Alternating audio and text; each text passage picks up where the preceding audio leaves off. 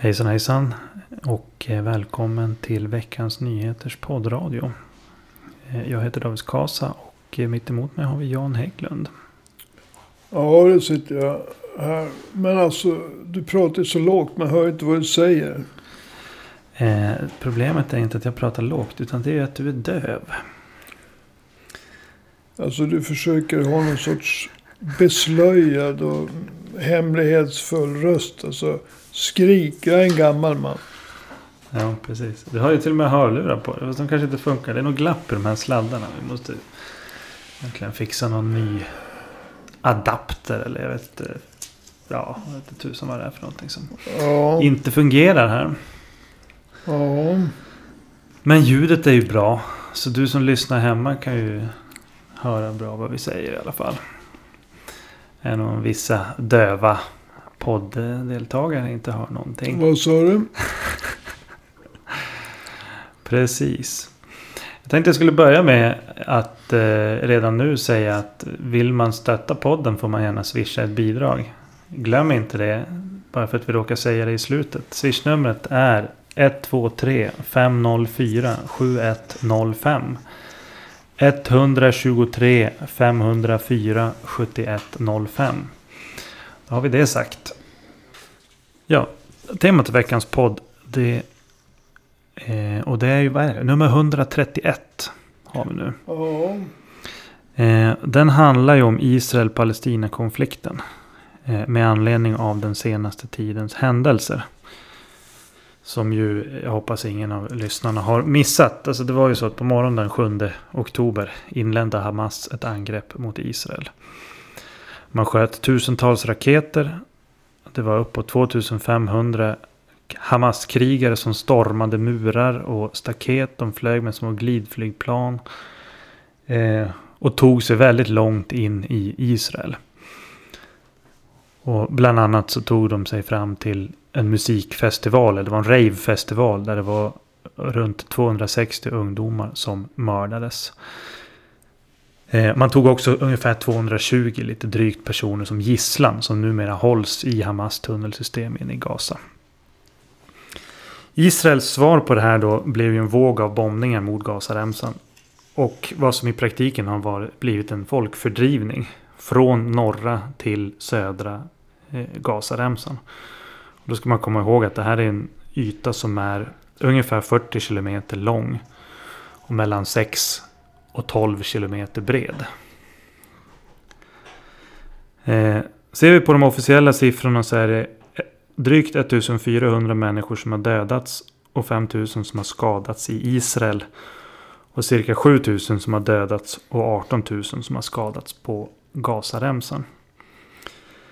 Eh, dessutom så påstår den israeliska staten att de har dödat drygt 1000 Hamas-terrorister inne i Israel. Till det här då så kommer att det är 1,4 miljoner människor på Gazaremsan som är på flykt och ungefär 200 000 i Israel. Så det är en kort sammanfattning av vad som har hänt då sedan den 7 oktober. Och innan vi går in på djupare på själva konflikten Israel-Palestina så tänkte jag fråga om du har någonting att säga om det här angreppet som Hamas utförde den 7 oktober. Ja, det har jag.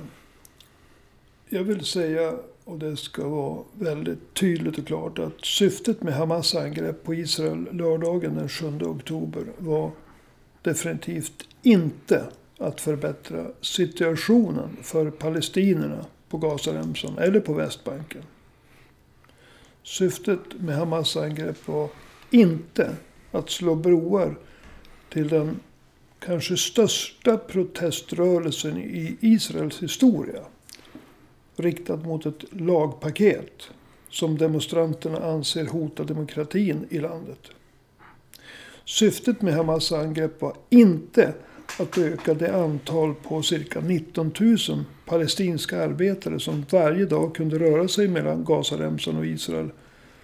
Och som innebar inkomster både för enskilda palestiner men också för styret på Gaza. Form av skatter då eller? Ja. Ja.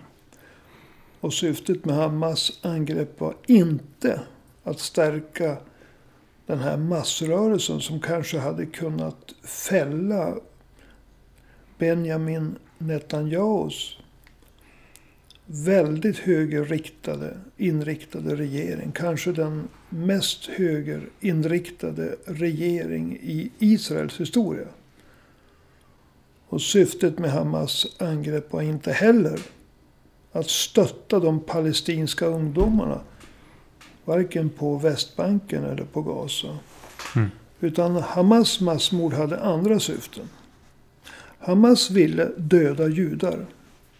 Och genom att visa att man kunde döda judar ville Hamas förnedra Israels politiker och militärer. Hamas visste naturligtvis att Israel skulle slå tillbaka hårdare än någonsin förr. Och självklart speciellt hårt mot Gazaborna. Som nu drabbas av våldsamma bombangrepp, folkfördrivning, en blockad av vatten, mat, el, drivmedel, en humanitär katastrof. Mm. Syftet som Hamas hade var att stoppa normaliseringsprocessen mellan Israel och de arabiska grannstaterna. I det här fallet främst Saudiarabien. Mm. Men det var inte att på något sätt förbättra levnadsstandarden eller andra villkor för palestinierna. Mm. När det gäller Israel-Palestina-konflikten i stort så har ju det varit en av de mest komplicerade internationella politiska frågorna.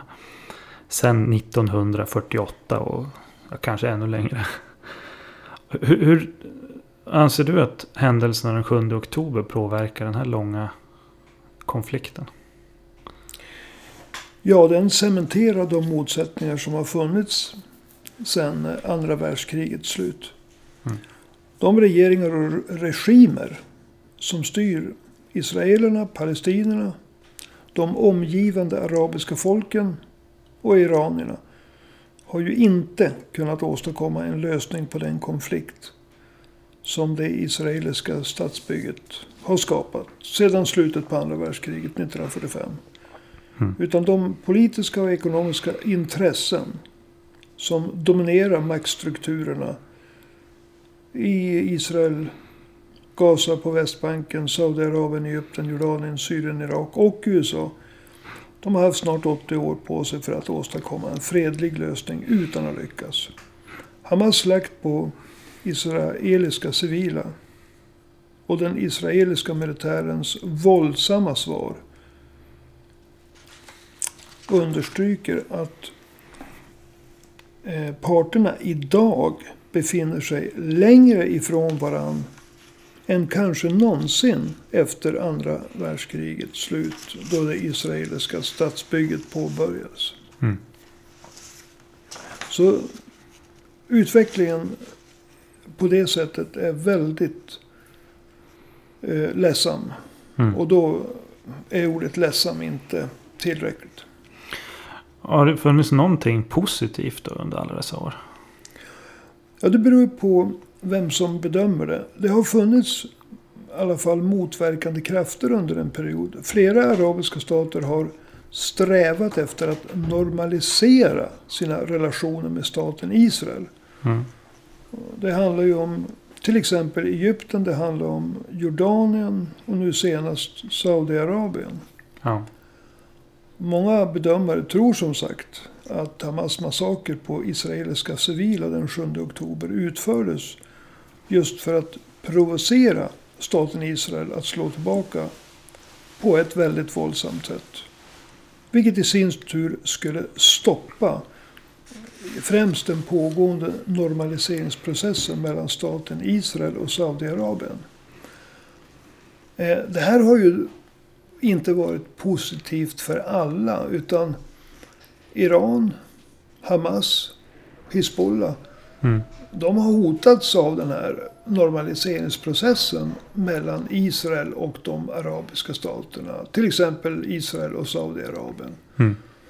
Så att från det som har varit positivt från vissa har inte varit positivt för Iran, Hamas och Hizbollah. Mm. Det är ju svårt att göra en, en eh, allomfattande översikt när det gäller den här konflikten. Eh, det skulle kräva flera eh, poddar.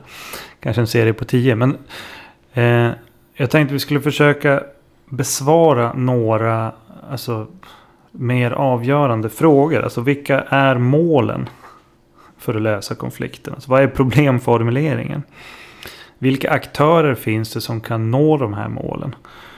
Eller, ja, eller lösa då de problem eh, formulerade problemen i, i konflikten. Jag tänkte vi kan börja med målen. Alltså, vad anser du måste vara målet för, för den som vill lösa den här konflikten?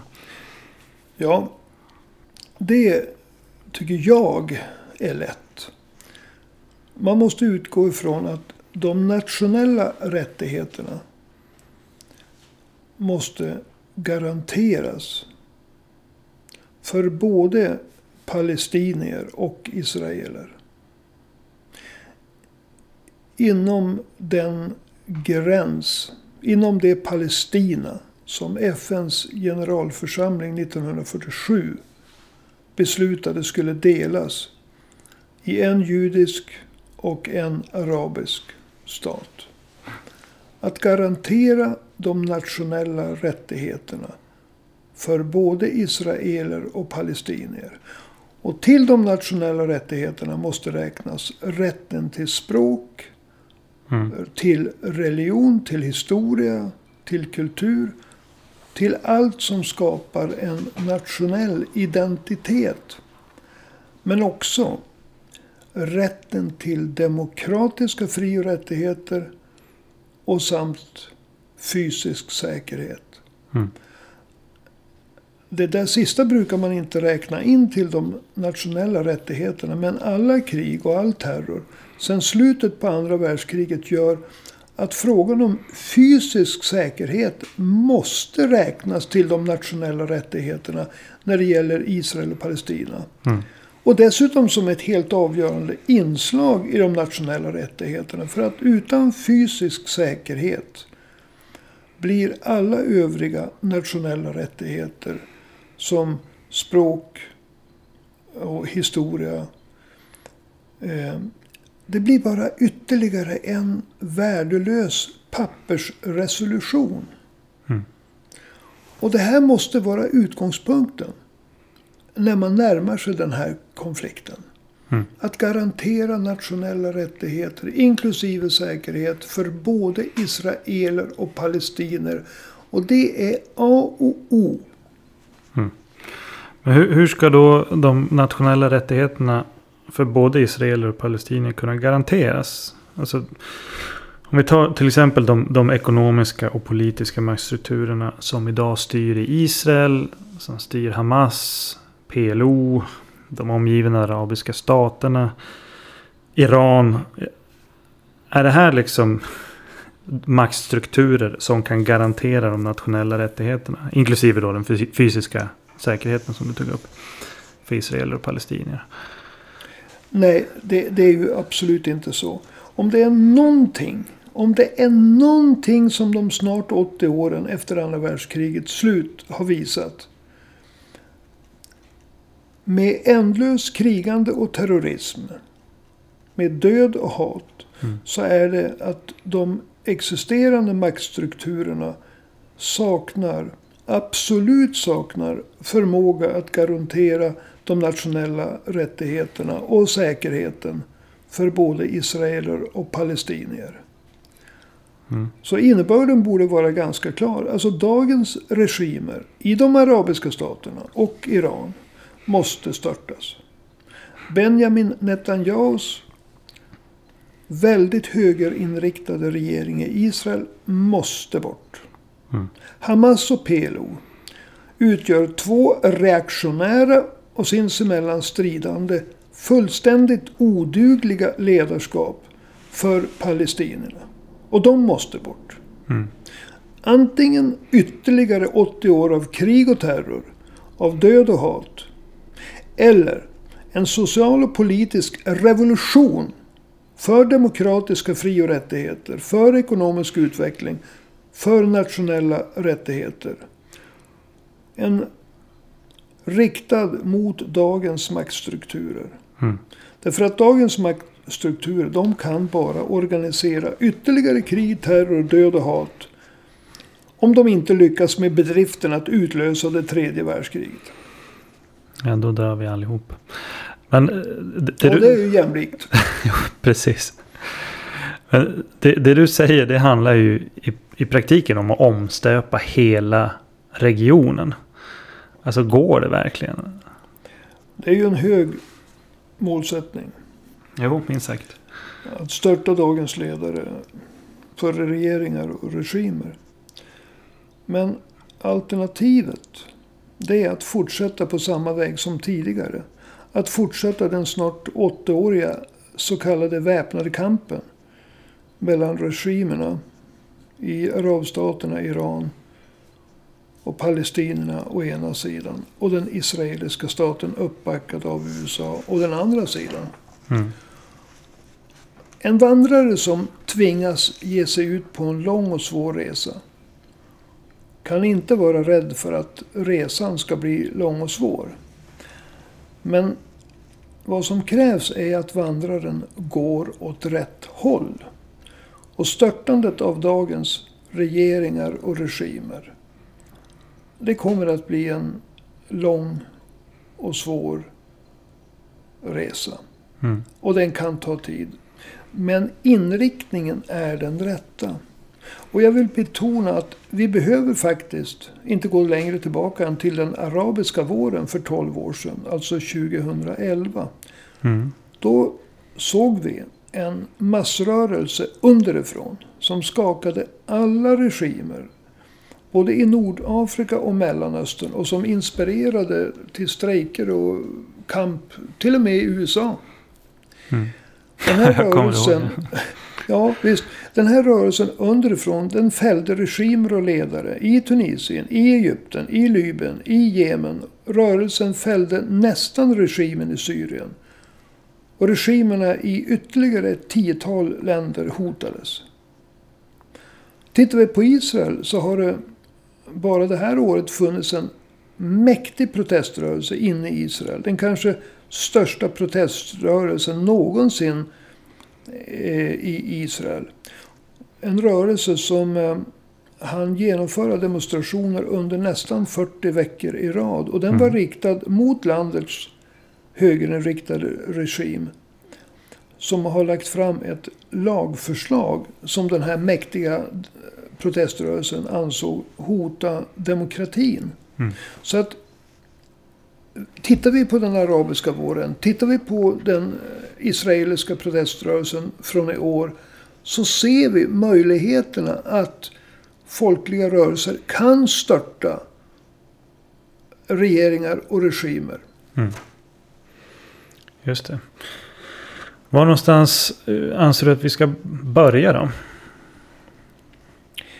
Ja, det som håller tillbaka de folkliga rörelserna i staten Israel och i de arabiska staterna. Det är till väldigt stor del frågan om den fysiska säkerheten. Mm. Det är den absolut mest väsentliga i den enskilt starkaste aktören, nämligen Israel. Mm. Om det fanns exempel på verkligt samarbete mellan israeler och palestinier så skulle ett, visserligen bara första steg tas, men det steget skulle vara gigantiskt. Och jag vill passa på att fästa uppmärksamheten dels på den israeliska fackliga federationen Histradut å ena sidan och på den, det som kallas Palestinian General Federation of Trade Unions å den andra sidan. Mm. Histradut må ha fel och brister, men de har 800 000 medlemmar. Och den palestinska fackliga federationen har nästan 300 000 medlemmar. Tillsammans har de över en miljon medlemmar. Vi får inte glömma att 20 procent av Israels befolkning består av palestinier. Och det är de som är med i den här palestinska fackliga federationen. Mm. Så Paradoxalt nog kan det första verkliga steget mot samarbete mellan Israel och palestinier tas inne i själva Israel. Och de här båda fackliga eh, federationerna de har gemensamma intressen. Dels i att stoppa det här lagpaketet som så många anser hotar demokratin i Israel. Och som man har demonstrerat mot under nästan hela 2023. Men dels så har ju de fackliga federationerna gemensamma intressen av sådana saker som höjda löner och bättre levnadsvillkor. Men den viktigaste aspekten av bättre levnadsvillkor. Det är naturligtvis att få stopp på krig och terrorn. Så därför måste vi rikta blickarna mot de här båda organisationerna. Och då talar jag om Histradut och Palestinian General Federation of Trade Unions. Det är här hoppet finns. Mm. Det är här de första stegen kan tas. Och jag vill alltså dödförklara den väpnade kampens 80-åriga misslyckanden i form av krig och terror, död och hat. Mm. Just det. Har du några slutord att tillägga? Eh, ja, innan vi avrundar den här podden. Det har jag. Jag skäms över alla så kallade eh, fanatiker. Oavsett om de tillhör vänstersidan. Eller om de är fanatiska anhängare av Benjamin Netanyahu. Och eh, alltså det går inte att göra så här. Man räknar hur många som Hamas slaktade i sin inledande attack den 7 oktober. Och sen räknar man hur många som har dött av den israeliska arméns och statsledningens våldsamma reaktion med bombningar, folkfördrivning och total blockad av el, vatten, drivmedel och elektricitet. Och så säger man Israel har dödat fler. Alltså är Israel värst. Mm. Det är en politiskt infantil och efterblivet sätt att närma sig problemen. Man måste utgå ifrån behovet att garantera de nationella rättigheterna för både palestinier och israeler. Inklusive rätten till säkerhet. Och gör man det. Då ger man sig ut på en lång och svår färd. Men man går åtminstone åt rätt håll. Man får gärna sjunga sånger. Men man sjunger inte From the river to the sea. Palestine will be free. Därför det betyder att man ska krossa staten Israel och driva judarna i havet. Och svaret på det, det ser vi idag. Mm. Det handlar inte om att garantera de nationella rättigheter för både palestinier och araber. Det handlar om att gå i terrororganisationen Hamas ledband. Yes. Då så. Jag får eh, tacka så mycket för idag. Vi kommer troligtvis att ha anledning att återvända till den här konflikten. I framtida poddar. För att eh, som du nämnde så det är en helt ny situation. Efter 80 år. Eh, av, och där, där de olika sidorna står längre från varandra. Än kanske just sen andra världskriget. Så att ja, tyvärr kommer vi ha anledning att återvända till det här. Eh, du som har lyssnat på den här podden och tycker att vi har en bra podd. Och tar upp intressanta och viktiga ämnen. Och ja, kanske även vill ge en slant eh, till Jannes dieselkostnader. Jag tycker du ska ta och swisha ett bidrag. En eh, 20, en 50-lapp, en 100-lapp. Eller mer än så. The sky is the limit. Fast jag tror det, det kan vara så att det är någon gräns där. Att man får liksom inte swisha mer än 5000 åt gången. Då får du swisha två gånger om du vill ge oss 10 000. Men, men eh, numret är 123 504 7105. 123 504 7105. Varje bidrag uppskattas. Och eh, tills nästa gång vi eh, gör en podd kring det här så håll utkik på veckansnyheter.se efter nya artiklar. Både kring Israel, Palestina och kring andra viktiga frågor. Från Sverige och världen. Jag som säger det här heter David Kasa. Mitt emot mig har vi eh, dieselmannen Jan Hägglund. Vi tackar för idag. Hej hej. Hej hej.